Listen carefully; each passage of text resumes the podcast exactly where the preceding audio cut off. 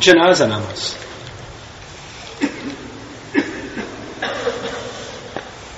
Dženaza namaz počinje znači sa ili ima u sebi četiri tekbira, sa, sastoji se iz četiri tekbira,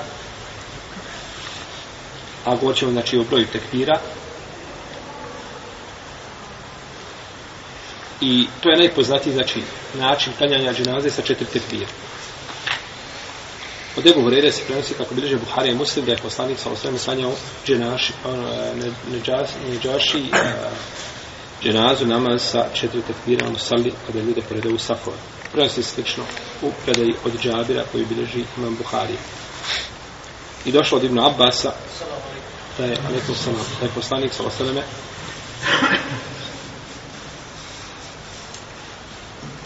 obilazio jednog čovjeka pa je preselio taj čovjek, pa su ga ukupali po noći. Pa je utro upitao što me niste obavijestili, pa su kazali, Allah poslaniče, bila je noć. Pa smo, pa nam je bilo teško da te uznemiravamo. Pa je poslanik sa osram otišao na habu, pa nam dženazu sa četiri rakijata. Bilježi muslim u svome sahiju. I ovo je stavi mama vladara pravovjernih, Omer ibn Khattaba, ibn Omara, iz ibn Stabita, ibn Alija, Ibn Abi Ufa i Al-Bara ibn Aziva, ibn Hureyre, ibn Amira i Muhammeda ibn Al-Hanefije, i Ata i Seurija Uzarija, Ahmeda, Ishaka, Malika, učenjaka Hanefijske pravne škole, ibn Mubareka, Šafije i drugi. Znači, izraziti dio islamskih učenjaka smatra da se za dženazu donose četiri tekbira. Drugi, i vidimo ovi, znači, hadis jasno ukazuje da je poslanik sa osam sanjao dženazu četiri tekbira.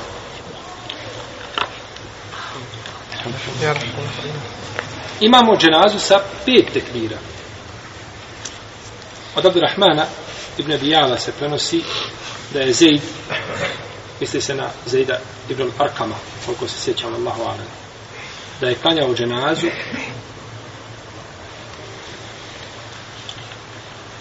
četiri tekbira, pa je jedan put klanjao sa pet tekbira. Pa su ga upitali o tome, pa kažu, tako je činio poslanik sallallahu alaihi sallam. I to bilježi ima muslimu svoj sahih. I prenosi se od je da je klanjao učesnicima bedra dženazu sa šest tekbira, a sahabima poslanika sallallahu alaihi sa pet, a ostalim ljudima sa četiri tekbira. I to bilježi bi šejbe sa ispravnim lancem prenosilaca. Imamo dženazu sa sedam tekvira i u tome se smislo navodi jedan dajiv hadis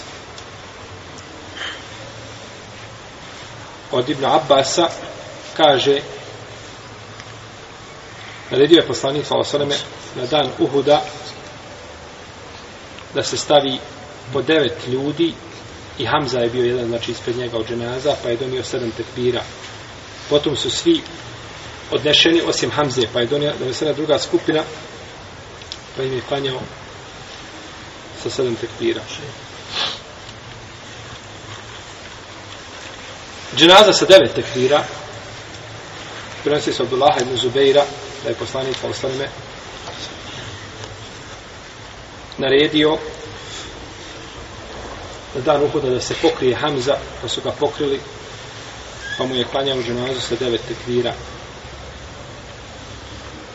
i kaže za ovu predaju šeha Albani da je dobra bilježi imam Tahavi u Šarhul Me'ani, Ibn Abi Šejbe i drugi. I došlo da sahaba da su klanjali dženazu sa tri, četiri, pet, šest i sedam tekbira. Imam neovi spominje ovo pa kaže potom nakon ovoga razilaženja se ulema ujedinila i složila da se ne donosi više od četiri tekbira. Znači ukazao je na razilaženje, potom je ukazao da se jedina e, uh, ulema složila na četiri tekbira. Ibn Abdelber isto spominje od malikijskih učenjaka smo vidjeli temhid, da je ulema složna da je dženaza četiri tekbira. Taj konsensus navodi Ibn Abdelber koji je umro polovinom petog hiđarskog stoljeća. Imam neovi kad je umro. 676. hiđarske godine. To je znači druga polovina sedmog hiđarskog stoljeća. Oni navode konsensusom, međutim, tog konsensusa nije bilo prije toga. A braćo, veliko je razilaženje među islamskim učenjacima. Ako je bio konsensus u vremenu ashaba, u stvari nije bilo konsensusa, pa nakon toga biva taj ličma ili konsensus. Je li obaveza ljudima da rade po njemu ili nije? To je predmet razilaženja među islamskim učenjacima. Kao što je ovdje. Znači, nakon toga se Olema skoro složila, ili složila da kažem, je nam dužnost da radimo po tome što se Olema složila, ako su prve generacije se razišle. To je spor među islamskim učenjacima. U svakom slučaju, jedan dio islamskih učenjaka je osudio, znači žestoko, ovaj Eliđma, Ibn Hazm je bio tu najžešći.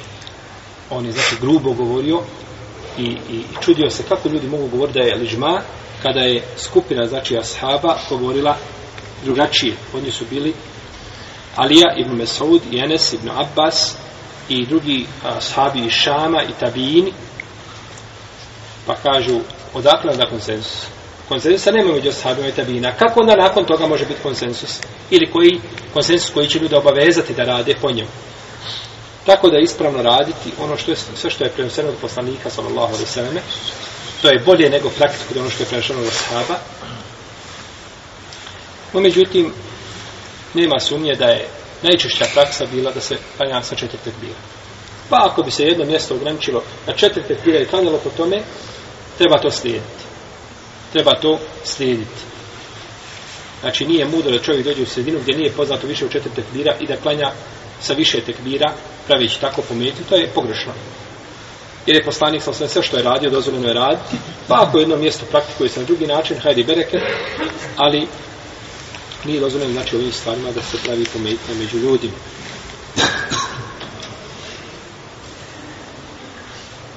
Neki učenjaci kažu da je dozvoljeno i lijepo da se samo uh, učenim ljudima znači klanja više od četiri tekbira i na osnovu toga imam Tahavije naslovio poglavlje u svome dijelu.